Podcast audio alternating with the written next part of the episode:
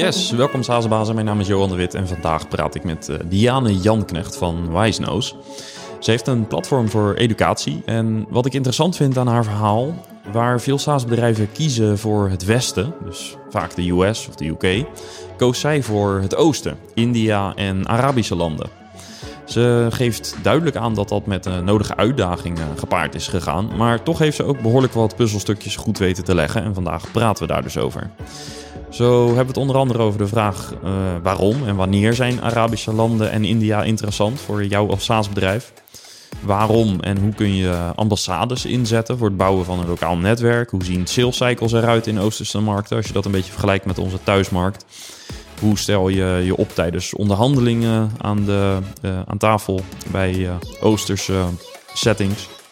Hoe zet je een team op in een regio waar je zelf geen netwerk hebt?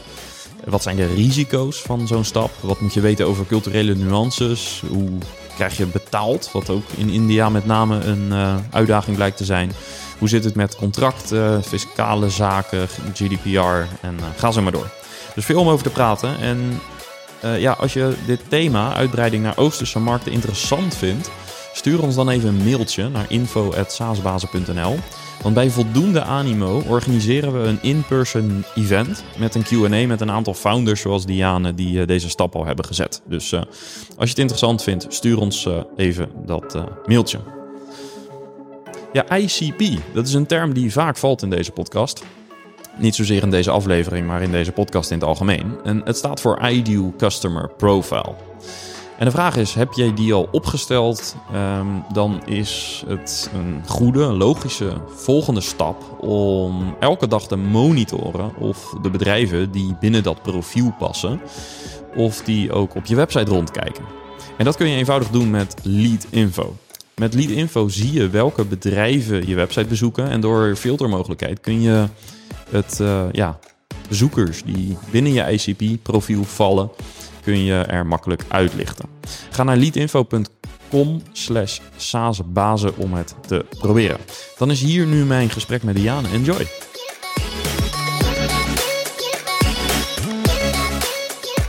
Ja, Diane, welkom. Ja, dankjewel. Het is eindelijk gelukt.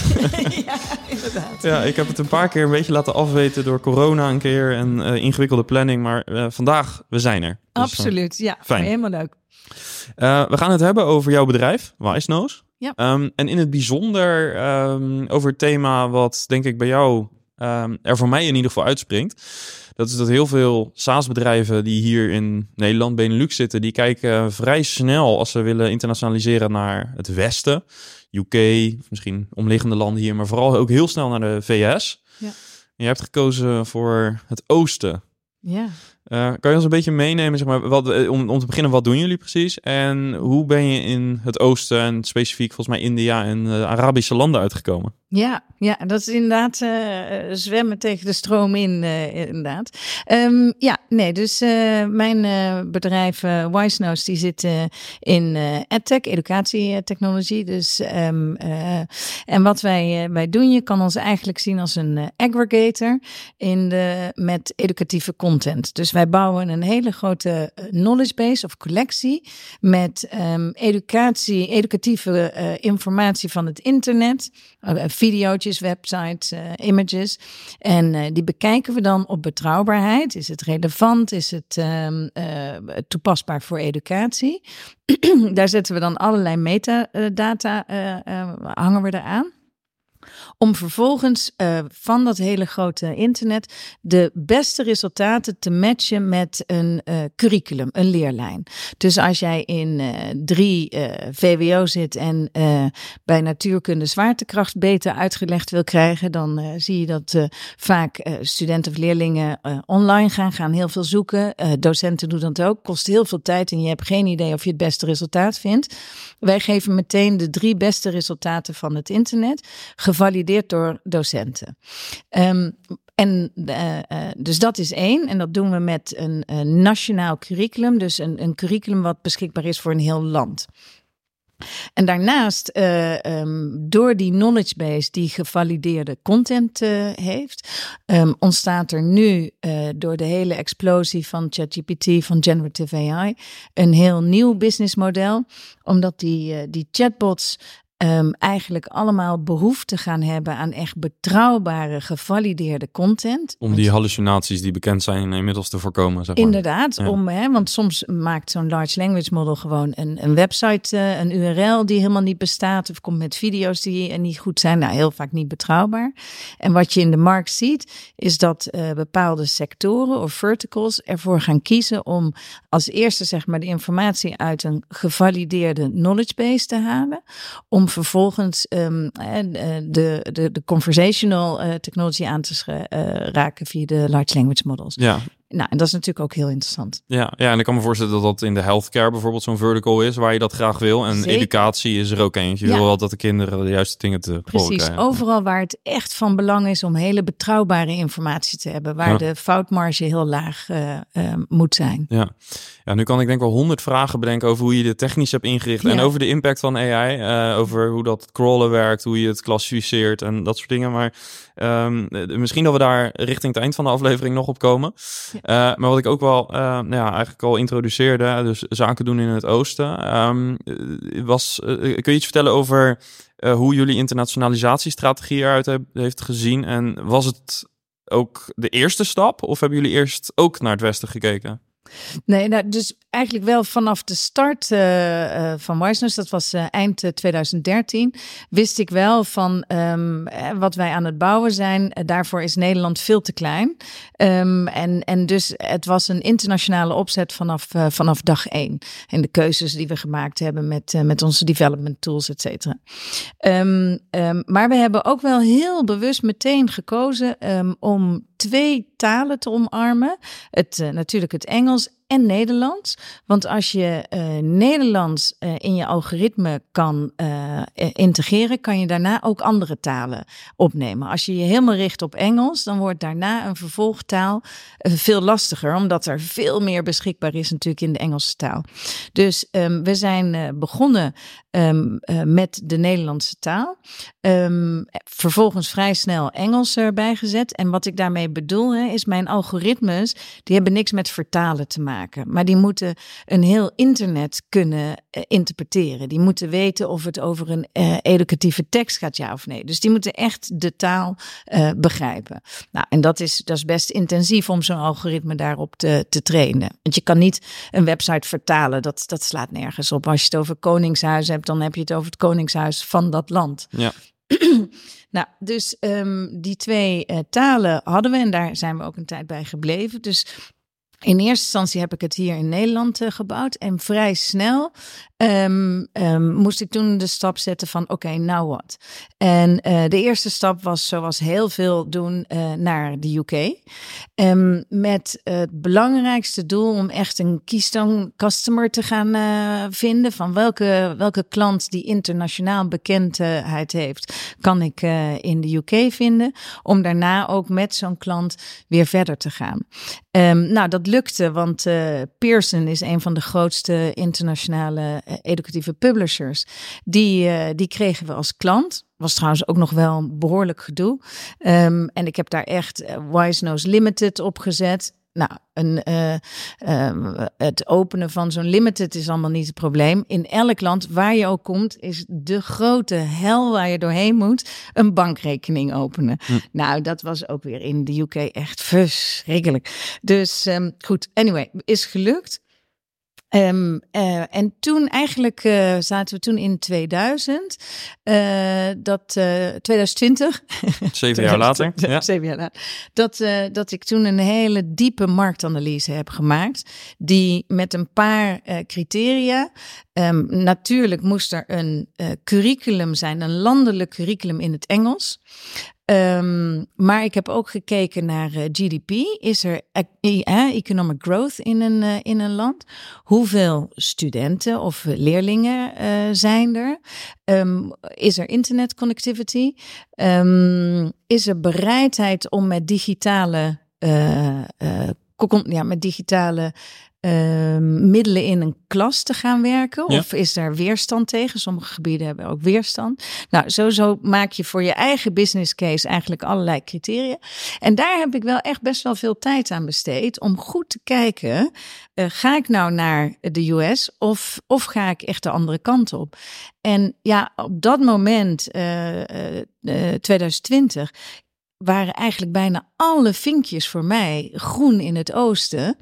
Um, maar, en daar kwam ook bij dat in de US ben ik waarschijnlijk niet um, um, aan het concurreren met een oplossing die precies hetzelfde is. Maar er wordt zoveel aangeboden aan die scholen dat ik in concurrentie ben met hele andere oplossingen. Maar er is wel maar één dollar uit te geven. Ja. Dus uh, een beetje de Red Ocean Blue, uh, ja. Blue, Blue Sea. En, um, en toen kwam India, of was India ook echt gigantisch in opkomst qua attack. Um, hè, en sowieso een groeiende markt. Heel veel kinderen. Heel, heel, heel veel kinderen. Het Engelse curriculum. Um, en nogmaals, echt open voor innovatie.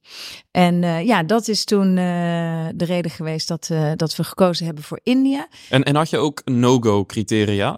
dus bepaalde of red flags waarvan je zei van nou, als dat er is, dan ga ik het sowieso niet doen? Zeker, want daarvoor ben ik ook nog, want kijk, ik ga er ook altijd naartoe. Ik, het is niet zo dat ik op papier gekozen heb. En een ander land zal je niet verbazen wat erin, wat, wat ook naar voren kwam, was China. Nou, dat was heel goed dat ik daar naartoe ben gegaan. Want na drie dagen wist ik, er is no way dat ik naar China ga. No, no, no way. Um, überhaupt, zeg maar, ja, daar die eh, Mandarijn is toch wel echt een hele andere taal. Dus ook het Engels was beperkter. Maar er is een firewall. En niet alleen dat, er is niet alleen een firewall, maar hoe krijg je je geld het land uit? Ja. Nou, en India is gewoon een democratie. Dus dat is totaal anders daar. De, ja, dat is, eh, dat is gewoon uh, totale internationale handel. Ja. En, dus... en, en, en, hoe zag je agenda eruit bij die tripjes? Dus bij die bezoeken aan die landen? Wat, wat, wat heb je gedaan? Ja, ja, nou, dus van tevoren ben je wel bezig om uh, met je netwerk afspraken te maken. Dus afspraken te maken met uh, potentiële klanten, met um, eventueel uh, mensen die jou kunnen gaan helpen met je bedrijf uh, daar, hè, de werknemers of, of headhunters, recruiters. Maar um, een van de belangrijkste tips die, uh, die ik wil geven is dat uh, ik vind dat uh, sommige founders af en toe de kracht van de Nederlandse ambassade volledig onderschatten. Mm. En voor mij is zowel in India als in het Midden-Oosten de hulp die ik heb gekregen van de Nederlandse ambassade fantastisch geweest. Kun je aangeven, wat, wat doen ze bijvoorbeeld? wat hebben ze voor jou UK gedaan? trouwens, niet, niet te onderschatten. Ja, dus Eén ding wat ik eigenlijk altijd doe, maar dan heb ik al wel de keuze gemaakt om in een land te zitten. Dus wel net niet meer bij de oriëntatie, maar als je een keuze hebt gemaakt. Maar wat echt zo'n grote succesformule is, is dat ik uh, uh, vraag of uh, de ambassadeur open staat tot, zeg maar, um, en tot, tot economische de handel. Want als je hebt soms hele traditionele ambassades die echt alleen maar relatie willen doen, dan werkt het niet. Maar um, niet in de UK, niet in India, niet in het Midden-Oosten. Ze moeten ook commercieel gedreven zijn op een bepaalde economisch manier. Gedreven, economisch, ja, Ze willen helpen om start-ups succesvol te, ja, te laten zijn. Nou, dat willen ze, ja, willen ze eigenlijk bijna allemaal. En wat ik dan doe, is dat ik uh, vraag of we samen een diner kunnen geven. Hm. Nou, en dat werkt echt supergoed. Dus dan, um, want voor de ambassade is het leuk, die leren uh, bedrijven kennen, lokale bedrijven kennen in een bepaalde sector.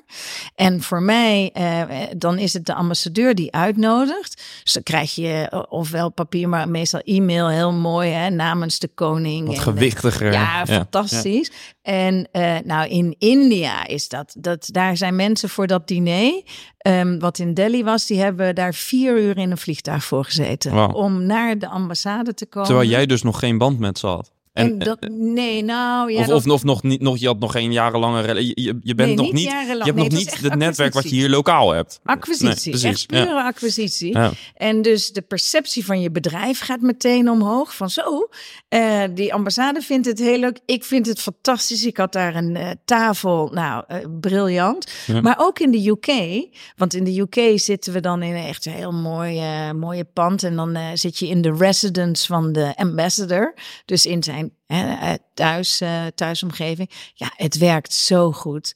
Dus dat is echt de belangrijkste tip. Ga je naar een land, ga die relatie met de ambassade aan, want uh, ze, ze zijn super behulpzaam en het levert gewoon business op. Het is niet een stukje courtesy call en hallo en uh, um, ja, leuk dat je er bent, ik kan niks voor je doen. Daar heb ik helemaal geen tijd voor. Er moet gewoon uiteindelijk ja. uh, geld verdiend worden. Ja. En daar helpen ze echt heel erg goed mee. Ja, wat een heerlijke tip. En ja. heel praktisch ook. Ja, ja, ja, Ik kan me ook voorstellen dat uh, het misschien ook een beetje te maken heeft met de uh, industrie of het product dat je hebt. Want ik kan me voorstellen dat een educatieplatform sowieso warm ontvangen wordt. Misschien als je een hele harde wellicht. Ja. propositie hebt dat misschien. Nou, of, of... ik denk dat er bijna dat bijna elke ambassadeur uh, bereid is om hm. Nederlandse bedrijven succesvol te laten hm. zijn in zijn uh, land. Oké. Okay, dus dat is een van hun doelstellingen. Ja, ja. Dus ik denk het enige, kijk, wat je moet weten, jij moet het werk doen. Jij nodigt je gasten uit. Zij gaan niet zeggen van nou dan nodig ik wel eventjes die en die minister of zo uit. Zo werkt het niet. En je moet wel met natuurlijk een bepaald niveau komen. Hè? je neemt natuurlijk alleen directie of, of founders of zo, maar ja. je, gaat daar niet uh, middelmanagement, dan vinden ze het niet leuk. Nee. nee, je moet, dat, dat moet je aanvoelen. Ja, precies. Dat moet je aanvoelen. Dus het is echt wel werk van jouw kant, maar de return is, uh, is heel goed. Het klinkt als een fantastische start inderdaad. Um, dan, als we even een stap verder gaan en uh, je hebt gekozen voor zo'n land, laten we even India en Arabië even als, als voorbeeld nemen. Um, daar zullen ongetwijfeld ook wel verschillen onderling weer zitten. Zeker, daar kunnen we het over hebben. Um, maar, maar even om te beginnen. Uh, als het gaat over uh, lokalisatie. Uh, om te beginnen bij waar het echt om draait. Je product. Um, in welke mate moet je je product lokaliseren voor dit soort markten? Ja. Nou, dat uh, heb ik totaal onderschat. Want in principe um, is mijn product, um, uh, als er een Engels curriculum is, uh, wereldwijd inzetbaar. En natuurlijk wist ik, ik moet het, het in India, het Indiaanse curriculum gaan verrijken. Geen enkel probleem. Um, en in uh, het Midden-Oosten werken ze heel erg met het Amerikaanse en het Engelse curriculum. Dus dat was ook hartstikke fijn, want die, die hadden we al. Um, alleen in uh, India uh, is de manier van leren echt behoorlijk anders nog dan hier in het Westen. Hier in het Westen zijn we veel meer thematisch aan het werk. Zijn we aan het kijken van uh, hoe kan een, uh, een leerling of een student een begrip goed begrijpen, laten we eromheen uitleggen hoe, hoe iets werkt. Terwijl um, in India alles draait om cijfers. Cijfers, cijfers, cijfers. is enorm gedreven door, uh, door die resultaten. Tot in, absoluut tot in het extreme aan toe. Um, wat betekent dat je heel dicht bij het lesmateriaal moet blijven. Mm. Dus als het uh, gaat over een vulkaanuitbarsting, ik noem maar even wat, dan moet het die vulkaan zijn met uh, de uitbarstingen die die vulkaan heeft gehad. En kan je niet ineens breder gaan praten over uh, vulkaanuitbarstingen of andere. Uh, Niet conceptueel dus. Nee, nee, precies. En die fout hebben wij in eerste instantie gemaakt. Dat we uh, op eenzelfde manier uh, onze content aanboden en uh, te horen kregen, ja, maar dit past helemaal niet. Hm. En ik vind het heel jammer. We proberen wel die discussie te hebben, want ik denk echt dat het prettiger is, is als je een concept begrijpt. Alleen, ja, ik heb totaal niet de illusie dat ik zo'n land kan veranderen daardoor. Dus ik, ik zal me moeten aanpassen. En in het maar ik voel ergens dat je het wel een beetje probeert de, de elasticiteit te vinden. Dat je ze wel... Nou, want de, uh, de Indiërs zijn het roerend met me eens. Dat, um, hè, om, om even iets hè, vrij schokkends te geven, op de dag dat de eindexamenresultaten uh, gegeven worden. En die moeten echt heel hoog zijn, wil je in die universiteiten komen. Hè? Want er zijn zoveel mensen die erin willen. Maar dat is de dag met de hoogste aantal zelfmoorden van kinderen. Oh ja. Het is zo ongelooflijk belangrijk. Hele gezinnen zetten in op één kind.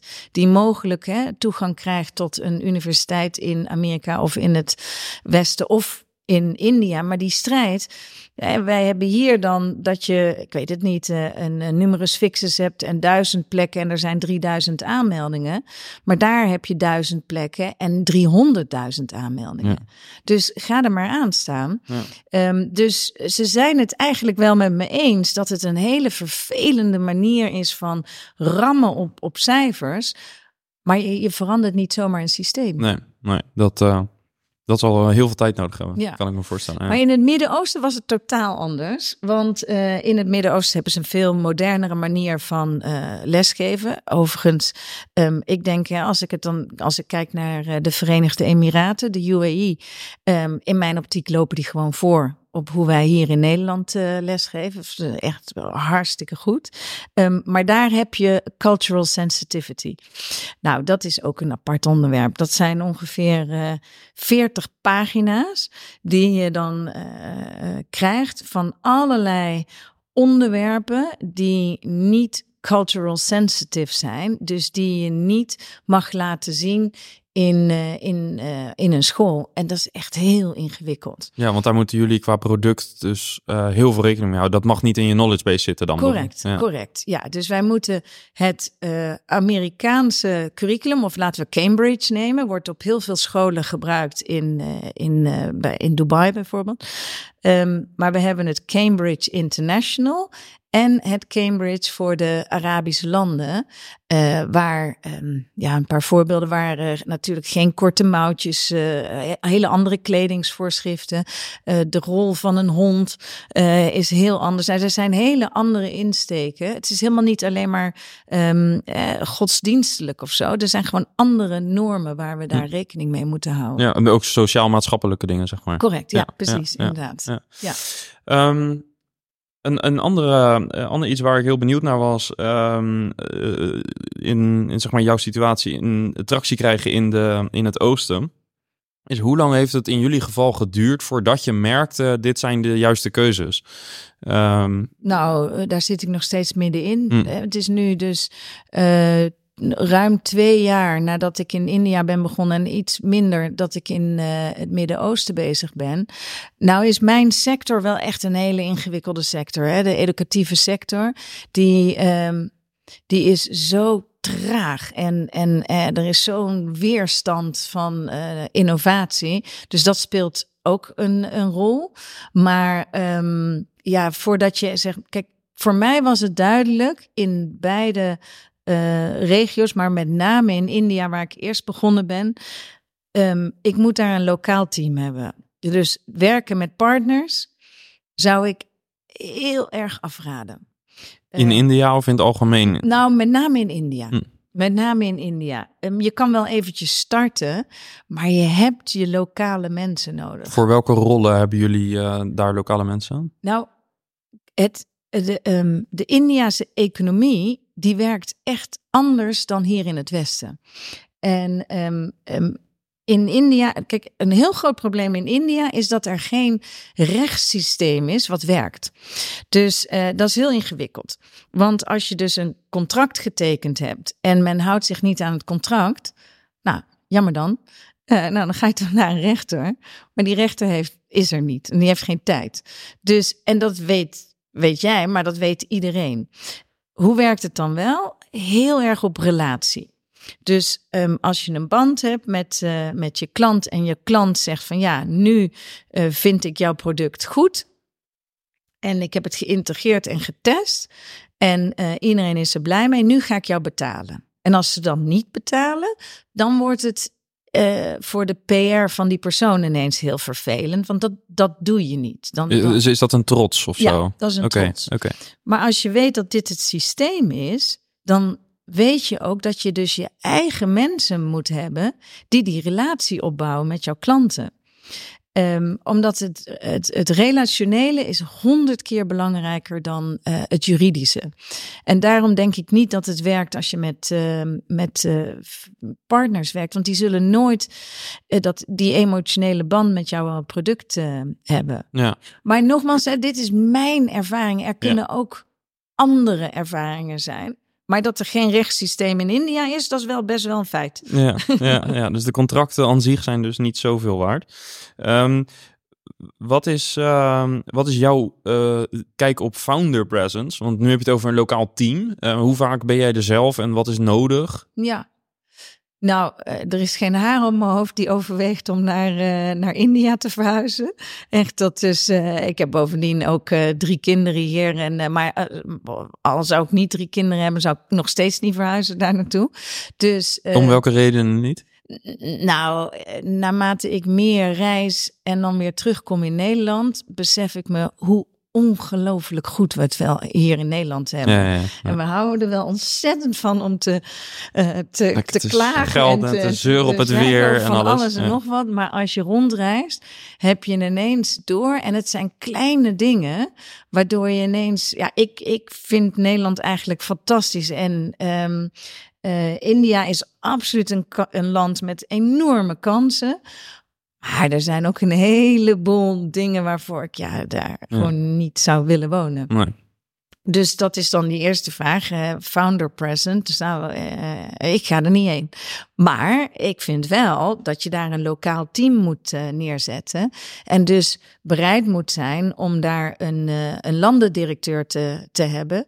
Die um, en die, zo'n, die, die ja, een, een subsidiary daar neer kan zetten en kan uitbouwen. Ja, en, en wat heb je geleerd over het, het bouwen van zo'n lokaal team? Want hier in Nederland heb je een netwerk, dus uh, is het makkelijk om wat goede mensen te vinden misschien. Hoewel zelfs dat hier al moeilijk is. Maar hoe bouw je een, een goed team in een land wat je niet kent en waar je geen netwerk hebt? Ja, heb ik ook wel wat tips voor. Want um, um, in India is het uh, alumni-netwerk van de goede universiteiten heel belangrijk. Dus überhaupt hè, kan je daar, uh, heb je vrij snel zicht op wat zijn de top-universiteiten. En um, je kan je voorstellen, als je daarop terechtkomt, hoeveel andere studenten je achtergelaten hebt. Dus dan ben je en in staat om hele goede cijfers te halen, maar je bent ook in staat om uh, sociaal-emotioneel uh, connectie te maken. Want anders kom je niet door al die verschillende rondes heen. Dus over het algemeen zitten daar uh, hele slimme studenten. En zij hebben ook een heel sterk uh, alumni-netwerk. Wat hier in Nederland vaak via studentenverenigingen bijvoorbeeld uh, gedaan wordt, is daar eigenlijk een beetje hetzelfde, maar vanuit uh, de universiteit. En wat ik continu heb gedaan is, um, um, als je eenmaal één iemand hebt uit zo'n universiteit, om dan via die alumni-netwerken, uh, en dat gaat allemaal via WhatsApp en uh, informeel, te zeggen van, goh, dit is een bedrijf uit het Westen die hier een lokale office heeft en uh, die zoeken mensen. Ja, en, en, en ja, misschien te veel te makkelijke vraag, maar hoe kom je aan die personen dan? Hoe, dus hoe, hoe zorg je ervoor dat je het vertrouwen hebt van zo iemand? Ja, nou. Heb je daar dan ook een praktische tip voor? Nee, ja, kijk, ja, ik, daar heb ik wel ontzettend uh, risico genomen. Want um, toen ik, ik heb een financieringsronde opgehaald om naar India te gaan. En toen mijn, uh, gelukkig had ik net mijn financiering rond toen uh, COVID uitbrak. Um, maar in dat hele businessplan stond wel de introductie naar, naar India. Dus ik heb in de middel van COVID, waarin er dus echt een reisverbod was, et cetera, um, daar mijn landendirecteur uh, aangenomen. En ik weet nog, en dus alles gewoon via een uh, conference call. En ik weet nog dat ik toen op een gegeven moment een behoorlijke bak met centen over moest maken, omdat hij natuurlijk moest starten. En, uh, en dus dat maak je over aan iemand in India die je nog nooit zelf gezien hebt. En um, ja, waar je dus via uh, Teams of uh, whatever uh, het vertrouwen moet hebben dat je geld goed terechtkomt. Ja, nou, dat, dat is goed gekomen. Um, maar ja, soms moet je daar wel risico's in nemen. Deze, mijn landendirecteur kwam bij um, EY vandaan. Hm. En ik had zelf ook al iemand in dienst van EY. En, en, en, en daar was het een beetje dat netwerk. Ja.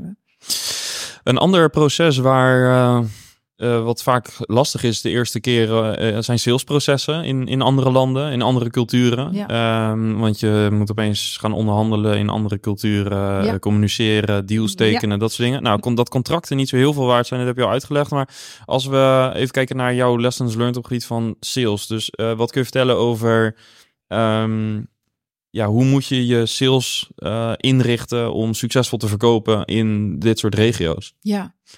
Nou, daar heb ik ook wel een, uh, vrij harde les uh, geleerd. En, en nog steeds trouwens, niet 100% opgelost, is dat um, en nogmaals, zonder een lokaal team ben je, ben je nergens, maar dan nog.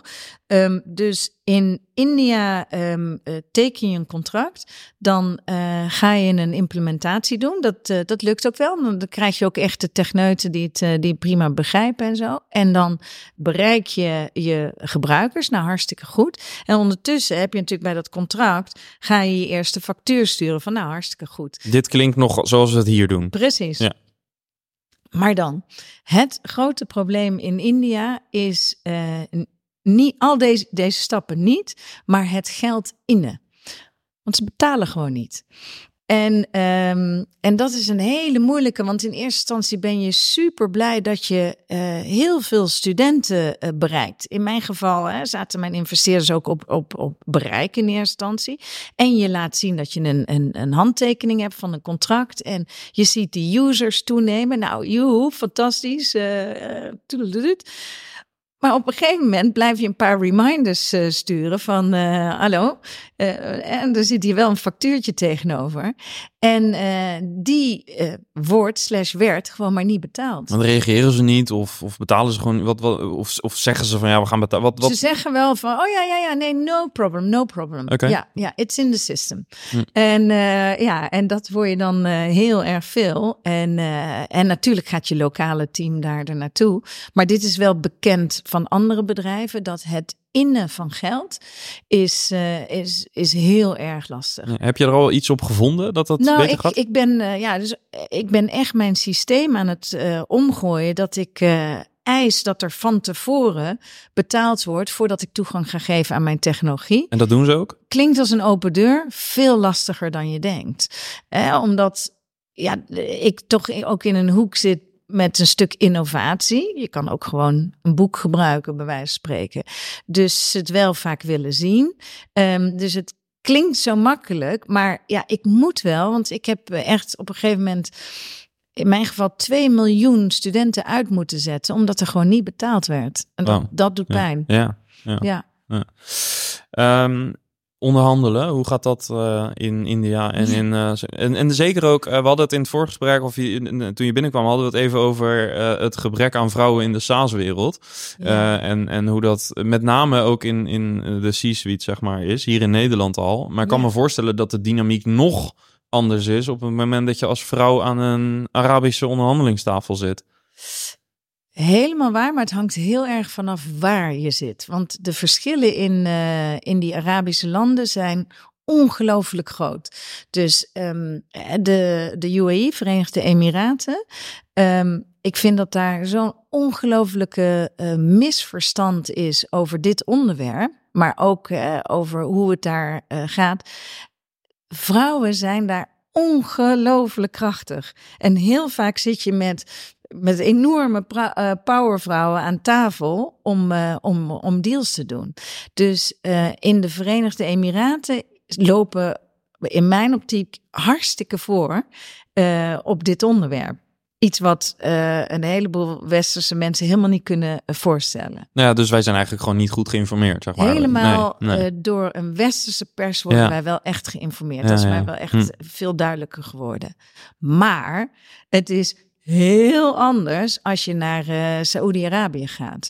En uh, dat, dat vond ik persoonlijk een heel vervelend. Uh, ja, dat, ik voel me daar niet fijn.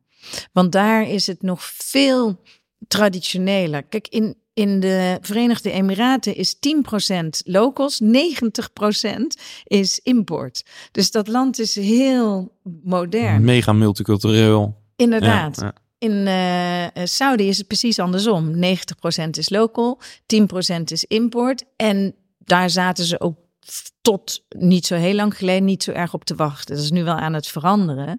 Maar daar kom je echt in een veel strikter regime. En um, ja, daar gebeuren dingen waar ik echt, echt, echt last van heb. Dus ik kwam bij een klant, een voorbeeld te geven. En uh, um, ja, dan wil je natuurlijk op hun uh, wifi. En eh, sowieso moet ik dan met een, met een mannelijk collega wel reizen, omdat uh, er altijd meteen naar die man gekeken wordt. Maar bij deze klant kreeg ik ook een wifi voor de female users. En er was ook een wifi voor de male users. En ik kwam het internet niet op. Ik echt, jongens, wat de fuck, wat is dit? En ja, nee, nee, nee. De restricties van de vrouwelijke gebruikers zijn eh, heel beperkt. Bizar. En uh, nou ja, dan, ja, en ik moest ook een demo geven. Ja, bij mij draait alles op het internet. Dus toen moest ik mijn PC afgeven. Moest er een man de wifi voor de mannen installeren met een code. Ja, toen mocht ik dan mijn demo geven en vervolgens moest ik hem weer teruggeven omdat die wifi afgesloten moest Wat worden. Terwijl ik mijn mobiel gewoon bij me had. Dus ja, dan dat vind ik, dat vind ik lastige Ja. waarde. Dan En- daar struggle ik wel mee. Ja. En, en hoe ga je om met situaties zoals deze, of misschien andere situaties, waarin jouw eh, persoonlijke waarden conflicteren met de waarden die daar op dat moment Ja. gelden? Ja. Ja, dat is eh, die, die vraag, omdat ik in educatie zit, maar ook omdat ik naar die landen ga, die krijg ik wel vaker. En ehm eh, één, ik blijf bij mijn eigen waarden, maar ik geef wel vaak het voorbeeld. Ehm, ik heb eh, heel lang een klant gehad die 80 kilometer hier vandaan zit, van, van Amsterdam, en die zit in de Bible Belt. En die heeft een heel scholengroep in de Bible Belt de instructies die wij kregen voor uh, die uh, klantschool. Ik praat in de verleden tijd, want uh, het is geen klant meer van me. Maar um, die waren zo extreem. Um, hè, er mochten geen, uh, geen dinosaurussen, geen elfjes, geen sprookjes, geen uh, heelal niks. Uh, mochten we laten zien. Dat waren allemaal hun, hun eisen. En dat is 80 kilometer verderop. En en ja, inderdaad, uh, in uh, de UAE heb je ook een hele lijst aan uh, allerlei cultural sensitieve dingen die je niet kan laten zien. Um, maar dat zijn de keuzes van mijn klanten. Dat zijn niet mijn klanten. Ik zal dat nooit in mijn basisproduct opnemen. Maar er zit een grens. Hè? Als het op een gegeven moment echt um, heel raar voelt. Of dat, kijk, als de Nederlandse overheid gezegd heeft: iets is een, uh, een schurkenstaat, hè, of een staat waar je niet naartoe gaat, ga ik er niet heen. Um, maar ik vind wel dat er ook heel veel misperceptie is. En, en um, um, ja, dat uh, uh, een religie, ja, voor mij mag je geloven wat je wil. Als je het maar niet opdrukt op anderen. Dat Ja. vind ik een, een, een hele belangrijke. Nou, um, als ik met mijn technologie leerlingen kan bereiken en ze daardoor een iets vrijer beeld kan geven van wat er allemaal gebeurt, ja, dat vind ik, uh, vind, vind ik heel mooi. Ja, en zit er ook niet een verschil uh, tussen situaties waarbij er uh, sprake is dat je misschien je product iets anders moet inrichten om het lokaal te laten werken? Zoals bijvoorbeeld inderdaad die cultureel sensitieve onderwerpen weglaten, wat ik me goed kan Ja. voorstellen als dat ervoor zorgt dat het product kan werken en, Ja. en ook iets kan doen. Uh, en aan de andere kant dat er misschien naar jou persoonlijk, van in mens tot mens contact, in meetings dingen gebeuren waarvan jij denkt van ja, dit, dit, dit gaat voorbij mijn persoonlijke grens. Dus dat, dat, dat uh, hoe, Ja. hoe, uh, heb je dat meegemaakt? Situaties? Nou, ik, in India helemaal niet. Behalve dan, want dat, de, de andere kant, dat vind ik dan wel weer grappig, eh, grappig, is dat op het moment dat ik in India aankom, dan uh, pakt uh, mijn lokale team uh, de telefoon en dan bellen ze klanten en dan zeggen ze, our founder is here, it's a white woman and she really wants to meet you. Dus stel je voor dat ik dat zou zeggen met iemand uit India. Nou, dat, dat, nou ja, ik moet er enorm om lachen. En ik echt zeg, jongens, gebruik het zoveel als je wil. Het maakt mij echt niks uit. Maar nou, dat is eerder een beetje de andere kant op grappig. Um, en, en daar heb voor de rest heb ik als persoon helemaal echt nergens daar uh, dat ik denk van. Ook in uh, de Verenigde Emiraten eigenlijk uh, um, niet. En, en, en weerstand, tref je dat? Weerstand op, op, op jouw rol bijvoorbeeld? Als vrouw? Ja, als, als vrouwelijke in, founder? Nou, in de Verenigde Emiraten helemaal niet, maar nee. in Saudi oh, wel. Saudi wel, ja. Ja, ja, ja, ja. ja weerstand. Ik denk dat het niet weerstand is, maar geen respect. Mm. Dat is wel, dat is naar. Ja. Ja. Ja. dus dan, kijk, uh, maar daar in, in Saudi, dat is ook wel eigenlijk een belangrijke tip, want daar ben ik ook weer naar de Nederlandse ambassade gegaan en heb ik gevraagd, uh, geef mij eens even aan welke bedrijven het succesvol, Nederlandse bedrijven succesvol gedaan hebben. En zij zeiden, uh, Diaan, dat zijn alleen de grote multinationals. Nou, ja, dat is gewoon genoeg informatie voor mij om te zeggen van oké, okay, ja, dan moet ik dat denk ik gewoon hier ook niet, uh, niet gaan doen. Dus, um, en dan kan je wel wat deals binnenhalen, maar niet een entity opzetten. En een hmm. Shell, die kan daar een heel, heel lokaal team bouwen. Hè? De grote en een Philips en zo. Maar dat, dat kan ik natuurlijk niet. Ja. En um, uh, zijn er wel situaties geweest van conflicten um, uh, door culturele verschillen? En, en hoe ga je daarmee om? Wat heb je daarvan geleerd? Nou, um, ja, conflicten of, of hele grote misverstanden. En um, er is, uh, er is een, uh, als je internationaal wil naar het oosten, is er een, uh, een, een, boekje wat ik absoluut geef als tip.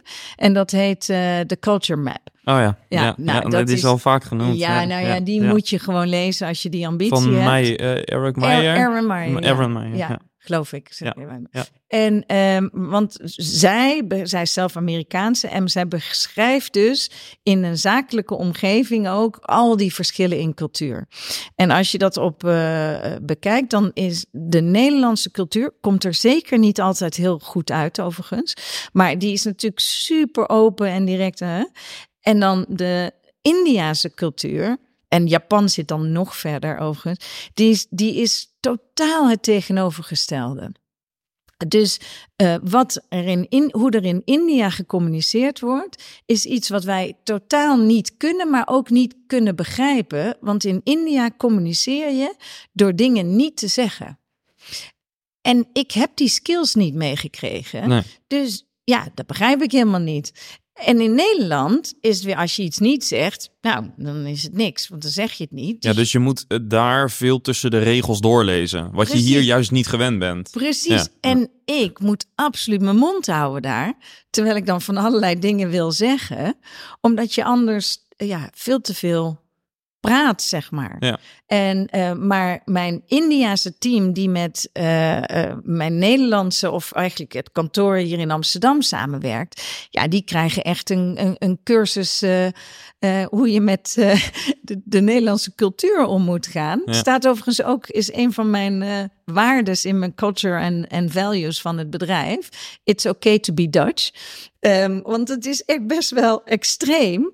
En uh, ja, die Indiërs waren soms helemaal van slag over feedback die ze kregen. Wat heel, voor ons helemaal niet erg was, maar voor hun echt heel pijnlijk. Ja ja. Nou, en ook in klantengesprekken moet je dat spel wel weten. Ja. Soms helpt het wel, is mijn ervaring ook door het te benoemen. Van, ja. I have a very Dutch question. En dan met een knipoog. Uh, Oké, let op, uh, ik ga nu heel direct zijn. Tijd. Ja, precies. Doe ik de ja. hele tijd. Dus uh, als je het benoemt, wordt het vaak iets makkelijker. Maar je moet er wel van bewust zijn dus. Ja, nog steeds moet je, ja, nog steeds maak je dan af en toe fouten. Ja, en is het ook niet zo dat in India heel vaak ja gezegd wordt en dat dat ja eigenlijk ook gewoon een nee is? Absoluut, continu. Continu. Ja, en je hebt ook verschillende manieren van, uh, van ja met dat hoofd. Oh ja? Weet je, wel? Ja, dus, je, je kunt dat ja. dan lichaamstaal zien? Ja, ja dus, en maar ze schudden nee, maar het is een ja. En uh, dat betekent dat je, oh ja, uh, uh, uh, zeg maar. Dat dus meer, is... ik heb het ontvangen. Ja, ja, ja. precies. Nee, dat is, dat is echt heel interessant, ja, vind ik dat. Oké. Okay. Um, zijn er nog bepaalde, er zijn natuurlijk tussen de regels door al verschillende voorbij gekomen, maar nog bepaalde risico's uh, die je zou willen meegeven aan het openen van dit soort markten?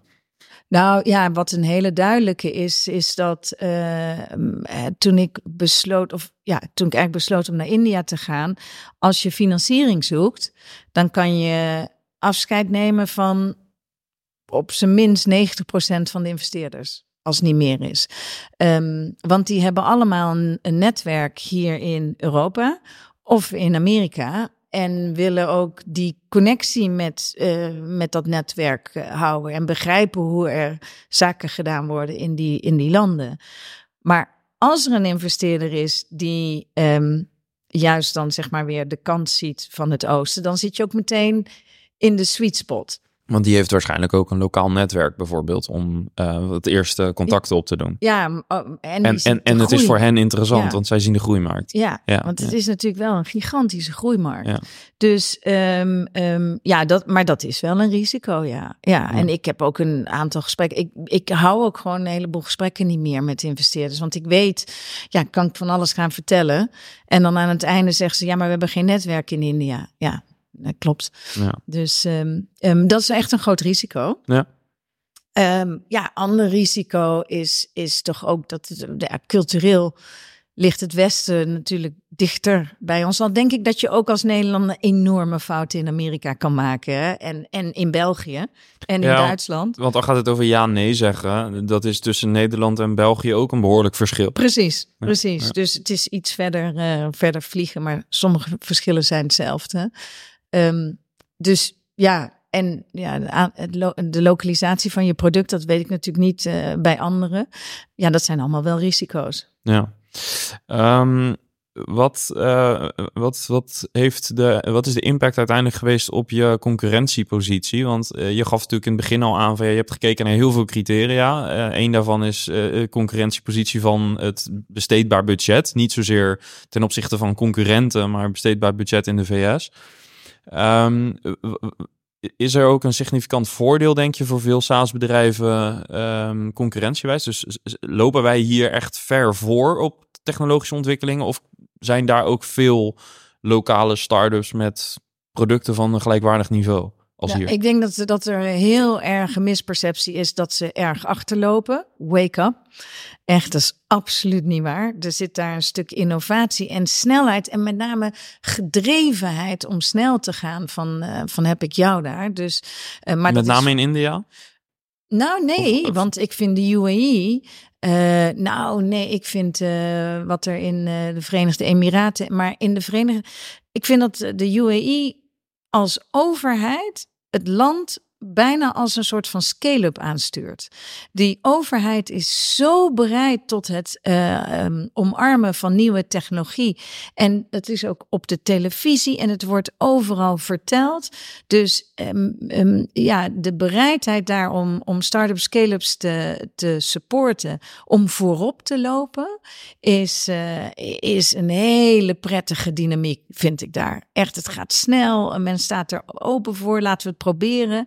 Oh, oh, En dat wordt ook ondersteund vanuit een overheid. Als ik het zo hoor, kunnen wij daar heel erg van leren. Want als Nou- er iets hier mist, is dat het, wat mij betreft. My god, met met name de overheid. Ja. Laat ze daar naartoe gaan. Ja. Laat ze Ja. daar naartoe gaan. Ja. Ja. ik dus- hoop dat er iemand luistert. eh. Nou, ik heb wel een heel kleine leuke anekdote. Dat was, eh, er is een eh, educatiebeurs. En eh, dat in, Eng in eh, Londen, dat is de bedbeurs, een hele grote beurs. En eh, ik wist dat daar de minister van Educatie van de UAE was. Ehm, maar ja, die krijg ik natuurlijk niet spreken. Een van de redenen is omdat hij ook de hoofdsponsor is van dat evenement. Dus die, ja, die man is heel erg druk. Dus ik dacht, ja, ik wil hem wel te pak krijgen. Hoe dan? En ehm eh, Constantijn, prins Constantijn, was er ook. En nou, vanwege allerlei tech kennen we elkaar. Dus ik zei, eh, Constantijn, ben jij akkoord dat ik eventjes echt gigantisch misbruik maak van jouw titel? Maar die titel in de UAE doet het zo goed. En wat jij ook neer hebt gezegd met, Ted, en met TechLeap, is iets wat ze fantastisch vinden. Als ik dat nou gebruik voor een meeting, dan zit ik daarbij. En, dan, eh, nou, en dat vond hij fantastisch. Dus, eh, en dat plannetje is gelukt. Dus eh, door het gebruik van His Royal Highness en The Brother of the King, was ineens was het mogelijk dat Wisenose, hoe de hell is eh, met de minister van Educatie en zijn hele eh, gevolg eh, sprak. En ja, daar, daar zijn we nu echt helemaal druk bezig met een deal. Dus ja, dat soort dingetjes is natuurlijk leuk als je dat kan doen vanuit Ja. dan hè, die overheid. Ja. Maar dat ga- gaat er dus ook om dat je moet aanvoelen wat zeg maar de lokale waarde daarvan is. Ja. Ja, ja, Ja. dus dat soort dingen, dat, hoe belangrijk titels zijn Ja. en koninklijke titels. Ja, ja. Maar dat was, we misbruiken die titels ook heel erg, want dan is het eh, Your Highness. Maar die Your Highness is helemaal niks koninklijk. Het is gewoon ja, belangrijk, weet ik het. Eh, dus ja, dat is, Ja. dat is een enorm ding daar. Ja, mooi. Ehm, zijn er nog eh, juridische of fiscale aspecten of misschien zelfs wel valkuilen? Je begint een beetje te lachen, dus er is iets. Nou ja, ik moet er wel, want dat was ook voor mij, want ehm, ehm, ja, of het, ik weet niet of het goed of, of slecht is. Nou, ik weet eigenlijk wel of het niet helemaal goed is. Maar GDPR bijvoorbeeld, hè, wat eh, dus het beschermen van je persoonsgegevens, it doesn't exist in India. Dus ik weet dat ik met mijn contracten bezig was en heel erg dacht van, oh jeetje, hoe moet ik, wat zijn de lokale uh, wetten en zo? En mijn team zei, ja, echt, hou op man, nobody cares really nobody cares. Dus ja, dat, dat is de, ja, die juridische wetgeving moet je ook goed uh, begrijpen. Mm. Daar heb je ook weer locals uh, voor nodig. En, en hoe ga je er dan mee om? Want dit, is, dit zou ook zo'n potentieel waardeconflict kunnen zijn. Dat je enerzijds weet van ja, maar hier wordt het niet, uh, hier is niet vereist. Maar misschien dat je wel zegt van voor mezelf wil, ik wil dat wel. Want... Helemaal eens. En inmiddels zijn ze ook, hè, zeker met de opkomst van AI, daar komt, komt daar, is daar net een hele nieuwe wetgeving voor aangekondigd. Dus ze zien het nu zelf ook in. Maar precies wat jij zegt, voor ons is dat zo'n kritisch onderdeel van onze hele propositie, dat wij dat altijd. Um, ja, dat ehm, wil je niet compromissen. Nee, helemaal niet. Alleen er is wel een verschil. Hoe zet je het in een contract? Ja. En in een contract kan het in Nederland wel bijna doorslaan. En dat hoeft niet uh, in, uh, in India. Ja, dus je doet het wel, alleen je zoekt naar de nuance die lokaal werkt. Ja, ik, ik doe het in het product heel netjes. Contractueel is het veel losser. Ja, ja oké. Mooie distinctie. Ja. Ja. Ja. Uh, ja, we hebben zoveel uh, Dit voelt echt als een masterclass. En het zou nog een paar uur kunnen duren. Ik heb zoveel uh, aanvullende vragen nog. Misschien leuk om nog even naar het AI-gedeelte te gaan en de impact op je product. Dus we hebben heel veel besproken over van, uh, hoe moet je die stap maken naar het oosten en, en wat zijn aandachtspunten. ik heb heel veel meegeschreven en ik hoop de luisteraars ook. Um, maar nog even over de impact van AI. Dus, dus je hebt in het begin al geschetst wat je voor. Hè, dus eh, laten we even platgeslagen, misschien oneerbiedig gezegd, een knowledge base uh, voor educatie. Gecureerde knowledge base. Gevalideerde content. Gevalideerde ja, content. En dat is wel echt daar. Dat, daar ja, dus de teachers hebben aangegeven: dit, is, dit mag gebruikt worden voor educatiedoeleinden, educatieve doeleinden. Um, wat is de impact van die um, models die op de markt zijn gekomen? Ja. Um, Kijk, door, die, door al die large language models die er nu komen, um, um, gaat de manier van communiceren veranderen. Um, want eh, zoeken is en blijft best lastig. En helemaal voor uh, jonge gebruikers of gebruikers die, die uh, niet de allerslimste zijn. Gewoon voor een heleboel mensen is het zoeken op internet is en blijft lastig. Je moet zelf weten wat voor zoektermen je opgeeft. Uh, je moet door die resultaten heen. Nu met die large language models kan je gaan chatten. En je, gaat, je kan doorvragen. Nee, dit bedoel ik niet. Ik, ik wil dit, ik wil dit. Nou, dat wordt een manier van communicatie die niet meer weggaat in ons leven. En die voor jonge gebruikers zo'n fijne oplossing is. Dus dan heb je het iets minder over generative AI, maar meer over conversational AI. Althans, het is een combinatie, uiteraard. Maar... Ja, maar die conversational die moet gaan genereren. Ja, die genereert die gesprek. Maar het is de, de vorm die conversation, dat, dat is waar mensen aan gaan wennen. Dat is jouw ja, ja dat, is, dat is één, dat is één, één uh, gedeelte. Maar ook, uh, het is niet alleen conversational, maar ook als je een videootje wil samenstellen of een, een PowerPoint of uh, het maken van teksten. Dat ga je allemaal met die generative AI veel, veel makkelijker kunnen doen. Maar die conversational inderdaad, dat is de manier waarop, waarop ook, denk ik, in scholen heel veel gecommuniceerd gaat worden. Alleen die large language models zijn te groot, die hebben te veel informatie. Dat hele internet als input. En, en die geven verkeerde resultaten en hallucineren. Dus wat je ziet is dat er externe knowledge base um, um, gevraagd gaan worden van geef mij gevalideerde content. Dan gaat dat in die chatbot en de rest niet. En, um, en weten we, hebben we een stuk meer controle over de, de output van, van zo'n chatbot of de output van het genereren van nieuw lesmateriaal. Of, um, en wat we nu zien is dat um, een misverstand wat ik had in een jaar geleden is dat, je, dat ik dacht van oké, dus dan komen er een paar grote educatieve chatbots aan. Maar uh, dat is helemaal niet zo. Je ziet meer en meer dat het echt micro, micro, micro chatbots worden. Dus een, een chatbotje over biologie voor 4 VWO. That's hm. it. Um, en heel specifiek. Maar dat wil je dan niet alleen rondom uh, het boek wat je hebt. Want als je het dan niet begrijpt en hetzelfde antwoord komt de hele tijd terug. Iets anders gegenereerd. Maar ja, begrijp je nog steeds. Dus je hebt wel heel veel sources nodig. Ja, en dus, en dus heb je een behoefte aan een knowledge base die je op alle manieren kan slicen en dicen, zodat er een microcollectie ontstaat, maar wel van gevalideerde content. Nou, en dat in vaktermen heet dat uh, RAG, dat je uh, ja, Retrieval Augmented Generation gaat veel te ver, maar dat je zo'n externe knowledge base daar, daarnaast zet.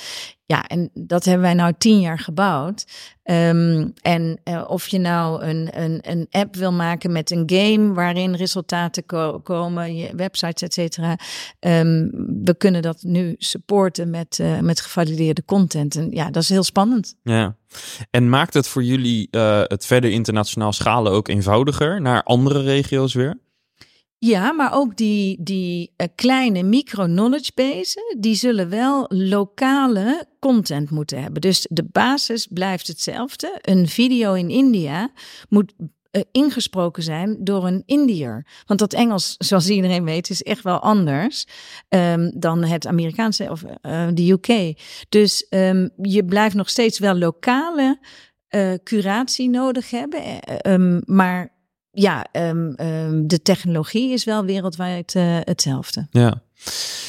Um, ja, zoals gezegd, er valt nog heel veel te vragen over nou, het AI, over jullie model. Maar ik zit ook even een beetje naar de tijd te kijken. Um, wat zou tot slot uh, voor, voor bedrijven of uh, founders die luisteren, die uh, de stap naar het oosten willen maken? We, we, hebben natuurlijk, wederom, we hebben heel veel gecoverd. Maar wat is een, een goede start um, om, om in ieder geval die marktverkenning te doen? Ja, ga er naartoe. Hm. Ga niet denken dat je alles van achter je pc. Uh, als je echt je bedrijf daar wil, uh, als je serieus, hè, dus niet uh, dat je 50 landen met een internationale website of zo, maar als je echt je entity daar wil neer gaan zetten, ga er naartoe. Want dan merk je zoveel. En um, ga nooit, nooit, nooit mee met mensen die zeggen dat je onder tafel geld moet betalen, omdat dat de cultuur is of zo. Ik krijg die vragen ook. Want dat is jou ook overkomen? Nee, dat ze dat, dat aanbieden? Ja, maar dat, ik heb geen haar op mijn hoofd en is ook totaal niet nodig. Nee. Is, uh, dus, um, maar je hebt wel echt lokale mensen nodig. Ja. Dus dat spel moet je willen spelen om een lokaal team daar uh, neer te zetten die de taal spreken, die de cultuur kennen en denk niet dat je dat vanuit je bureautje in Nederland eventjes uh, met een partnertje in uh, Bangalore of zo. Ja, dat, dat werkt niet. Nee, nee. Mooie eindconclusie. Dankjewel. Graag gedaan.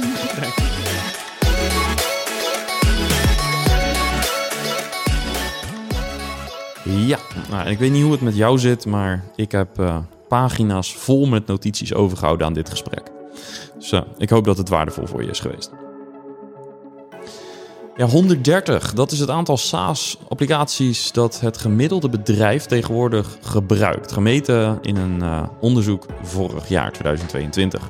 De meeste mensen denken dat hun bedrijf slechts 50 apps gebruikt. En in de praktijk is het dus bijna drie keer zoveel.